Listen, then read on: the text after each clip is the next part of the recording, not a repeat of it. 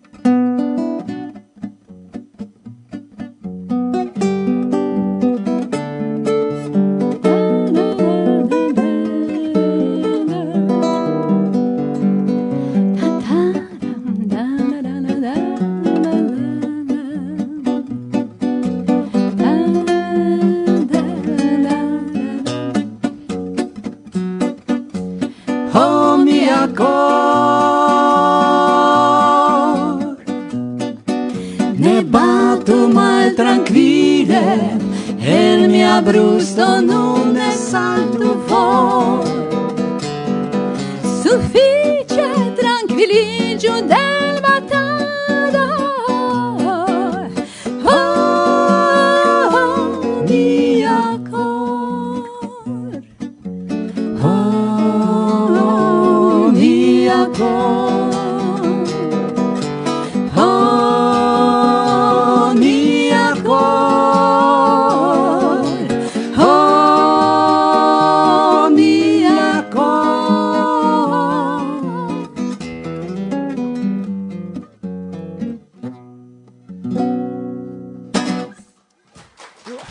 Dankon. Yes.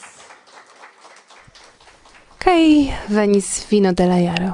Ancora ne. Mankas iom pli ol semajno. Tamen restis kelkaj tagoj. Kristnasko, Silvestro. Aŭ Silvestro kaj Kristnasko dependas de la religia kutimo. No, jes, vi pravas. Mi pensis pri la nia.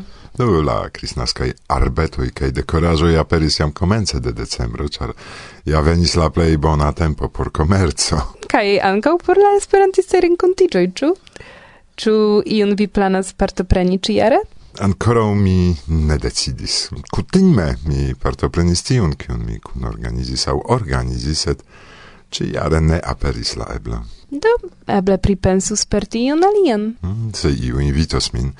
Mi pripensos kial ne, sed se ne, probable mi decidos viziti la Polan montaron aŭ simple mi restos hejme. Ankaŭ bona solvo? Almenaŭ mi estos ripoza, kion neniam okazis post partopreno en la esperantistaj eventoj. Mm, sed el Bialistoko vi ne revenis laca.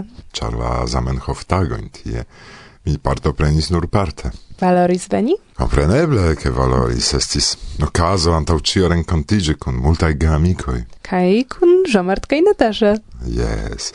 Ege mi gioias pro tio. En la sekva sendo do intervjuo kun ili, ĉu? Eble ne intervjuo. Mi ne nomus tiun nian mikrofonan amikan babiladon tiele, sed eh, certe vi audos ilin kaj ekscios multe da novaĵoj el ilia vivo. Valoras aldoni al tiuj, kiuj kiel mi ne povis partopreni Zamenhof-tagojn en Bielistoko, ke plej multo en la programeroj ankaŭ la koncerto de Jomart kaj Natasha, dank al la organizantoi kai Zamenhofa kulturcentro estis registritai, kai spekteblas rete. Inter ili tre interesa pri literatura presentado de Sara Spano. Ankaŭ mielan voĉon de ŝi vi aŭdos en la venonta programo. Ĉu? Jes, speciale, ĉar Dume, kiam mi havis okazon partopreni samajn eventojn kiel Sara, Ciam mi vidis sin charma kaj lerta trainistino pri la esperantista aktiveco, tute mi ne supposis ke ŝi havas ankaŭ verkan talenton. Ne miru do, ke mi uzis la okazon demandi Sara pri tio. Mi legis, ke si ricevis premion en la belarta konkurso de UEA. Ne nur de UEA. Verŝajne do interese al Sara evidentiĝos la intervjuo kun Petr Hrdle. Ĉar li estas eldonisto. Ĉu verkistoj ne interesiĝas pri eldonado? Por si certe estas interesa la mikrofona renkontiĝo kun Istvan Erd pri beletra almanako, en kiu oni povas trovi esprimon de ŝiaj pensoj. Mm, sed ŝajne ne nur por ŝi. Kiu ne ŝatas Istvanon? Bona demando. Kai eh, revenante al Bialistoko, mm, prezentis tie sian aktivecon ankaŭ Laura Brazabeni. Pri kio? Pri redaktata inter alie de ŝi podcasto. Ah, mi scias. Temas pri Esperradio, la frateca radio? Yes. Du foje reaginte al annonco ĉe Facebooko mi provis, sed evidentiĝis ke la tuta programo estis en la itala. Kiun nur parte mi comprenas. Do existas ancau el sendoi nur en Esperanto, kion si giuste dum la presentado clarigis. Ah, vere? Kie? Ce YouTube, nec cun fotoi, mm, imago, claco poste alligila en prescribo por ilin trovi. Hmm. Do ancau shin vi interviuis? Ne mi, Agnieszka Rudzia, ja cune ni venis al Bialistoko. O, do ambo vi vidis la medalon de Roman Dobrzyński, czu? yes, Roman fiere montris gin al ni. Pro tio giuste mi electis lin kiel esperantiston, kiun valoras presenti en mia angulo pri konataj kaj nekonataj. Kiu ne konas romanon, kara? konas ne signifas cion interesan pri li scii. Ekzemple ne multaj scias, ke ne žurnalismon roman studis, sed juron kai che dum studenta periodo li cantis en coruso de sia altlerneo. Mm, pri tio mi ne mencias. Ĉar mi nesciis. Sed mencias pri tio Roman en rememoro el la tempo kiam li ekkonis Erika, lian edzinon. Oh, metu ligilon al tiu rakonto poste sub informo pri mia programero en la priskribo. Bone? Mm, ne, Norton. Mi faros, kai ec subconscie vi trafis, char en ciel sendo ni presentos la unuan fragmenton de nepublicigita, char ancora ne finverkita libro, romano pri romano, kiun roman presentos mem. Unicajo. Sentupe. Hmm. Kaj se viam mencis pri unu nova podcasto, mencio ankaŭ pri la dua, kiun Facebooke ecz vi recomendis eldoni el plej shatatai. Ah, temas pri usone persone, ĉu? Yes. Fakte valoras gin rekomendi, ancau pro ena etoso de la podcasto. Ni mago che auscultinte gin mi exentis min prescau kiel en la trinkejo sidanta apud amicoi, ce biero au iu bona alkoholaĵo. Mm, eble ni povus malfermi iun botelon el via kolekto por krei similan etoson? similan eble jes, sed ne saman. Trovu tempon aŭskulti almenau unu epizodon de usone persone kaj tui vi komprenos pri kio temas. Do se vi rekomendas, mi provos, ĉar kiu kiel kiu, sed vi ne perdas tempon aŭskulti rubaĵojn. Do ankaŭ al vi, karaj el core gin mi recomendas se vi shatas tiun trinkejan aŭ gufujan etoson. sed Ante ol vi klakos al la ligiloj de iuj novaj podcastoj, auscultu unue la nian. Compreneble. en kiu krom menciitaj programeroj estas ankoraŭ pli multe. Kiel ĉiam. Kelkaj opinias che est tro multe nun elsendo. Mm, selva estas simpla. Tiuj kelkaj ja ne devas aŭskulti ĉion tuj, sed laŭ ebloj de ilia tempo elekti parton post parto. Yes, ankaŭ tio eblas. Mi memoras, ke mm, estis tiu proponoj, ke mi prezentu la tutan elsendon ne tuj, sed en elektita tago de semajno aperigu parton post parto. Do ĵaŭde unu parto, sekvon ĵaŭde dua parto. Mm, Al mi tio fakte ne plaĉas, sed laŭ la proverba ankoraŭ ne naskiĝis tiu, kiu ĉiujn kontentigis. Mm, proverbojn ŝategis la patro de Ludoviko, Marko kaj kolektis ilin kiel la aliaj postmarkojn. A jes, kaj poste supozeble tre dankama pro helpo pri eldono de la unua libro, ĉar Marko kiel cenzoro aprobis oficiale la tekston, Ludovico surprizigis lin per traduco en Esperanton de ĉiuj kolektitaj de li proverboj. De kio tion vi scias? de la historio, kompreneble. Eĉ se oni bone serĉos, troveblas en la reto tiu proverbaro en podofoformo. No, multaj ne scias tion kaj fakte eble apud do triangulo pri konataj nekonataj valorus ankaŭ krei angulon pri historio de Esperanto. Tre bona ideo. Compreneble, sed kiu faros tion kun simila amo, kiun esprimas en eh, Zamenhof meditoj Federico. Hmm, Federico. Sed la ideo bonas. Sendube. Do, se temas pri Federico jam, mm, ĉu vi scias, ke li estis ankaŭ aŭtoro de Esperantigo, de la canto, mosaico, pere de kiu Kiara venkis en konkurso de Eurovisio por minoritatoj. Li vere mojose, sed la konkurso ne estis verdire oficiala. Estis ne, estis ne tiel gravas. Gravas, ke organizis gin homoj tute neligitaj kun nia movado, kaj dank al tio ne nur ili, sed ankaŭ ili konvinkiĝis interalie, ke Esperanto ne estas morta lingvo de tiu vidpunkto jes, Yes, vi pravas. Foj foje mine nur vi. Do eble pro ne tro enuigi homojn per nia babilado pri ĉio bla. nenio. Restis al ni saluti vin ciuin karajn aŭskultantojn. Kie ein vi loĝas? Kai desiri al vi agrablan. aŭskultadon. Bla bla. Bla. En la mondo venis nova sento. Gloria.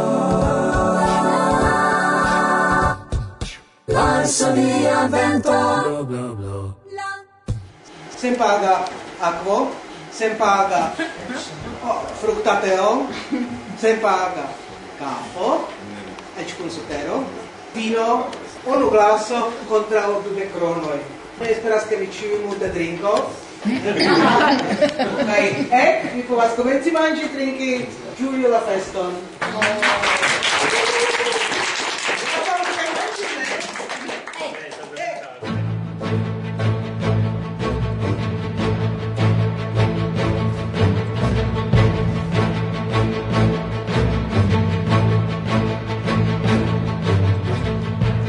granda plezuro ni deziras anonci aperon de la nova retejo de la Pola Esperanto Asocio. Ĝi videbligis novembre en la prova stato, sed nun jam ĝi funkcias baze. Paŝo post paŝo ĝi estas modernigata kaj baldaŭ aperos subpaĝojn ankaŭ pri diversaj temoj, en tio pri historio kaj ne nur. Do ni invitas vin viziti nin almenaŭ tiel virtuale. Bonvenon, ligilo en la priskribo.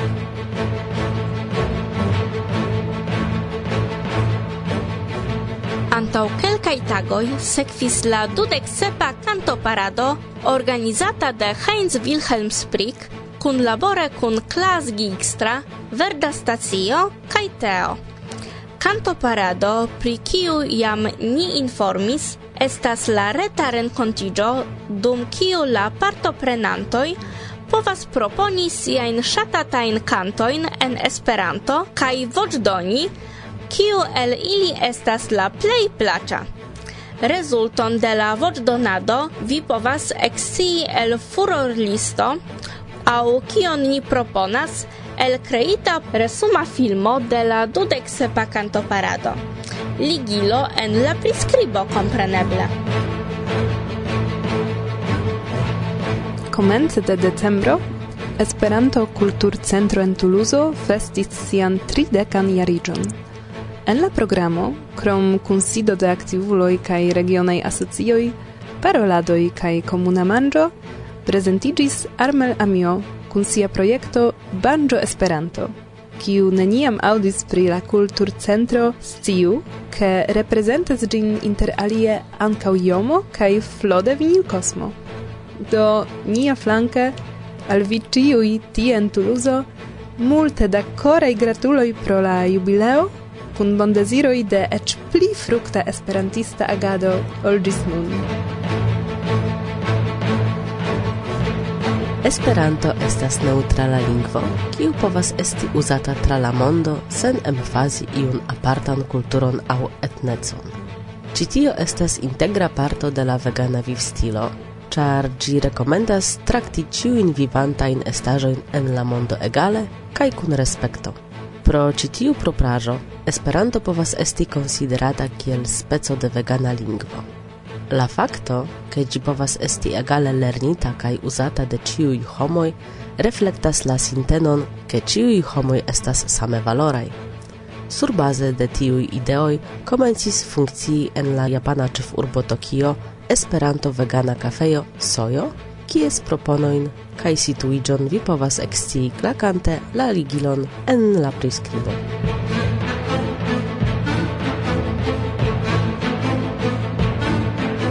Surbaze de la reglamento pri la internacia junulara kongreso, laste amendita en marto, la estraro dum sia lasta kunsido aprobis novan proceduron pri la invito de la IOKO proponitan de la Congresa Comisiono. Rezulte de la aprobo la Constanta Comitato hierau oficiale malfermis la alvokon al IOKO 2024. Candidatiju do por organizi cune kun teo la ogdecan internacian junularan kongreson en via lando en 2024. Pli da detaloj vi trovos pere de ligilo en la priskribo de la elsendo.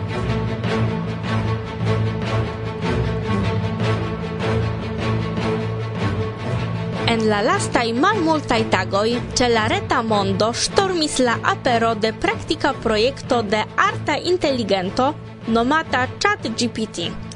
Gi estas babililo kun kiu vi povas konversadi. Vi faras demandoin au petas, ke gi verku tekston, kaj gi respondas per kelkaj perfekte strukturitaj paragrafoj tute kongruaj kun via demando. Gi tiel bone imitas la homain kapabloin, ca gi shainas intelligenta. Kai gi babilas ec en Esperanto. Tonio del Barrio, iama multiara prezidanto de la Hispana Esperanto Federacio, en sia blogo La blogo de Tonio, rakontas giuste pri sia spertoj kun la nova Babililo. Se captas vin la temo, serĉu konforman ligilon en priskribo de la aktualaĵoj. Kaj ĉar vinil kosmo kunlaboras ekde komenco kun Varsovia vento, pro kio inter alie kiel la unuaj vi povas aŭskulti multajn muzikajn novaĵojn Kun plezuro ni informas ke Flo dissendis inter membroj la kvindek unuan decembran informleteron de Vinilkosmo, en kiu krom la novjaraj bondeziroj vi povas ekscii kiuj kododiskoj estas aktuale vendataj. Do se ankoraŭ vi ne havas ideon pri la festa donaco por viaj esperantistaj geamikoj, ne hezitu surprizi ilin per bona muzika kodo kaj samtempe helpi tiel al la muzikejo de Vinil Cosmo, kiu last tempe suferis gravan inundon, rezulte de kiu perdigis multe da foje eĉ unikaj valoraĵoj. Ligilon al la informletero vi trovos en la priskribo.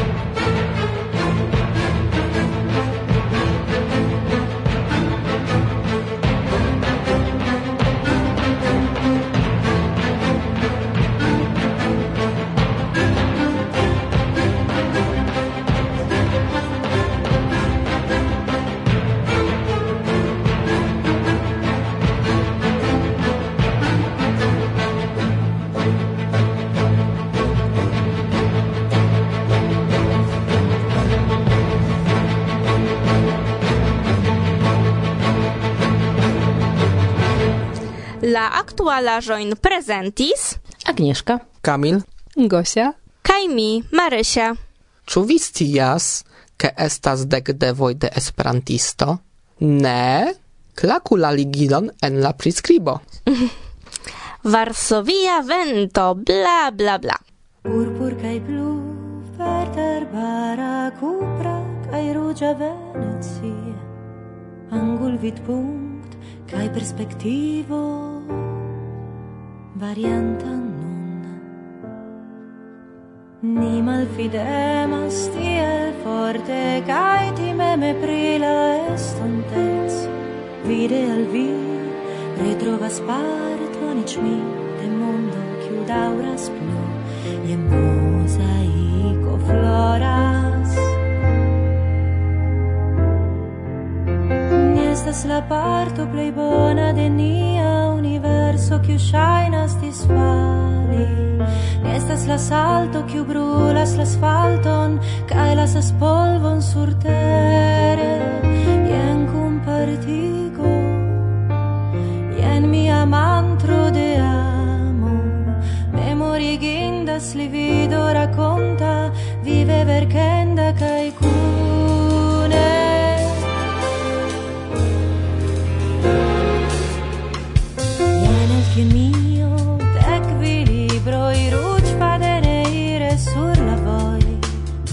nire albi Retrova sparto nec mi de mondo chiuda ora spune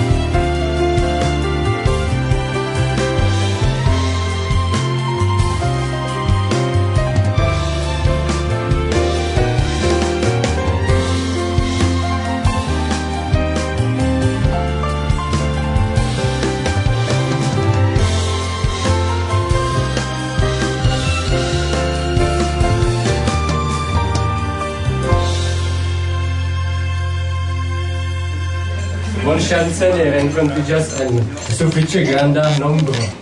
Ne ofte sonas Esperanto tiel forte el tiom da buŝoj en nia urbo kiel hodiaŭ.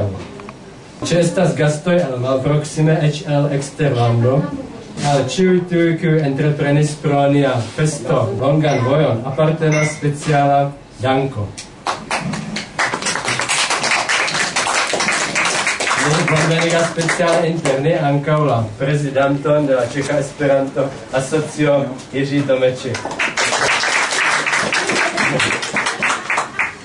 La datrevenon, kiun ni festas, estas sendiskute impona kaj igas nin halti kaj retrospekti. La naŭan de novembro pasis jam cent dudek jaroj ekde la momento, kiam malgranda grupeto de pioniroj Audacis, unu jaron post la successo de niai samideanoi en Brno, fondi klubon en nia ĉefurbo. La komenco estis malfacilaj kai modestai, sed la movado rapide akiris decidemon kai forton, kai ne haltigis ĝin eĉ la multnombraj malfacilaĵoj, kiuj iom post iom estiĝis. La klubo travivis du mondmilitojn, la nazian okupacion la komunisman premon. En la tempo de grandaj ŝanĝoj post la novembro 1989 ĝi konservis la ritmon kaj finfine sukcese eniris la novan ciferecan epokon. Ĝuju la feston! tri en Prago dum eh, cent dudek jar iĝo de tiea esperantistaro kiun ni festas nuntempe ĉe kafo kaj bona ĉeĥa biero kelkaj trinkas puran akvon kiel kantis Gorgo Hanslik trinku akvon puran akvon. Antaŭ mikrofono de Varsovia Vento. Saluton karaj aŭskultantoj. Mia nomo estas Petro Hrdle, kai mi estas simpla membro de la Praga klubo festanta nun. Ne tiel simpla, ĉar existas eldonejo Kavapek, ĉu?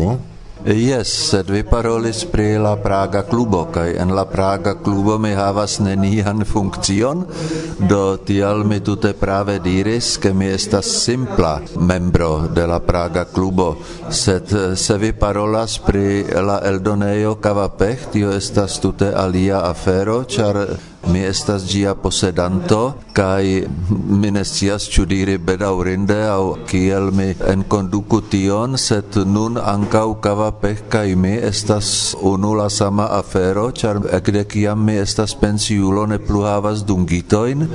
Mi estas unu nura persono kiu okupiĝas pri la eldonejo Kavapeh Unue ni provu malkovri kio estas malantaŭ la nomo kava. Pech Do tio dependas de tio kiu tion klarigas. Miaj amikoj klarigas tiel, ke mi vendas kafon kaj dume havas malfeliĉon. Sed la vero estas iom pli prozaika, ĉar tio estas mallongigo de la kompleta nomo en la ĉeĥa ĝi sonas kongresová a vzdělávací agentura Petra Chrdleho, do tiu pech fakte estas my, kaj lautio se mi decifris tion eh, jam ancau estas clare che ciam mi fondis gin mi tute ne intensis eldonadi libroin char la cefa occupo de la agenteo estis tute alia organizado de educai entreprenoi kai conferenzoin congressoin seminarioin kai simile Kio gvidis vin al eldonado de la libroi? Tio estas tre interesa demando, ĉar kompreneble, ser kompreneble por mi, eble ne por vi, mi povas diri ke se mi fondus la kongresan agentejon nun en la tempo de cifereca preso, mi tute ne farigius eldonisto. Sed tiam, kiam mi desiris, ke la altkvalitaj prelek-kolektoj havu isobono, do internacian eh, norman libran numeron kai mi turnigis al diversai eldoneioi kai desiris ke oni produktu por mi cent exempleroin exemple ilia reago estis au ke ili priridis min ke mi estas frenezulo au ili donis al mi tian prezon ke neniu partoprenus sedevus nur la prele collecto estis tiom multe costa Do, mia sagia edzino diris do ni faru surgenue la preleccolectoin al manachoin, do ni registris nin kiel eldoneio, ricevis proprain isobono, comencis mult obligi en nura mult obligilo, tiam tre populara xerox, kai mane bindi, kai tiel comencis mia eldoneio kai chartio ek placis al ni? Kai ni ambau estis fervorai esperantistoi do ni provis ankau eldoni kelkain libroin en Esperanto. Tio eh, estis relative sukcesa afero poste mi aldonis ankau la libroin en la ĉeĥa kai tio jam restis do tio estis fakte flanka agado de mia agenteo sed eh, nun kiel pensiulo eh, mi ciuin ceterain activadoin forlasis kai restis nur tiu hobio bedaurinde mi restis sola char mia edzino mortis sed eh, tiun agadon kiun fakte si lancis per sia genia ideo me daurigas Ĉu vi mem ŝatas legi librojn? Ĉu mi sincere respondu vian demandon? Dependas de vi mem. No bone, mi devos sincere diri che yes, mi legas multe, sed nun verdire mi tre rare legas ion alian ol kion mi devas. Char mancas al mi tempo kai mi devas tralegi tiom da manuscriptoi kai decidi ĉu eldoni ilin au ne. Malgrau tio, che antaue mi estis fervora leganto, kai mi malbone rigardis homoin qui posedas hejme librojn kai kiam mi demandis chu tiu libro estas interesa? ili respondas mine legis gin set nun ankaŭ mi appartenas al tiui. Eh, mi ofte acetas libron kun clara decido, mi ne prelegos gin, kai poste mi venigos de la librovendejo prian, kai prian, kai poste tiujn malnovajn donas alla libro shranko, kai ankaŭ mi am havas preparitajn multajn por legi kai mi preskaŭ certas ke mi ne ĉiujn intralegos reclamo. Ciu anca vi volas esti informita pri la mondae novajoi en flua actuale Esperanto? kai legi rapportoin pri politico, pri scienzo, economio, culturo, kai multe pli? Do petu sen pagan prov exempleron. La contact adreson de Monato vi trovos en la prescribo. Yes, valsa via vento. Ble, ble, ble.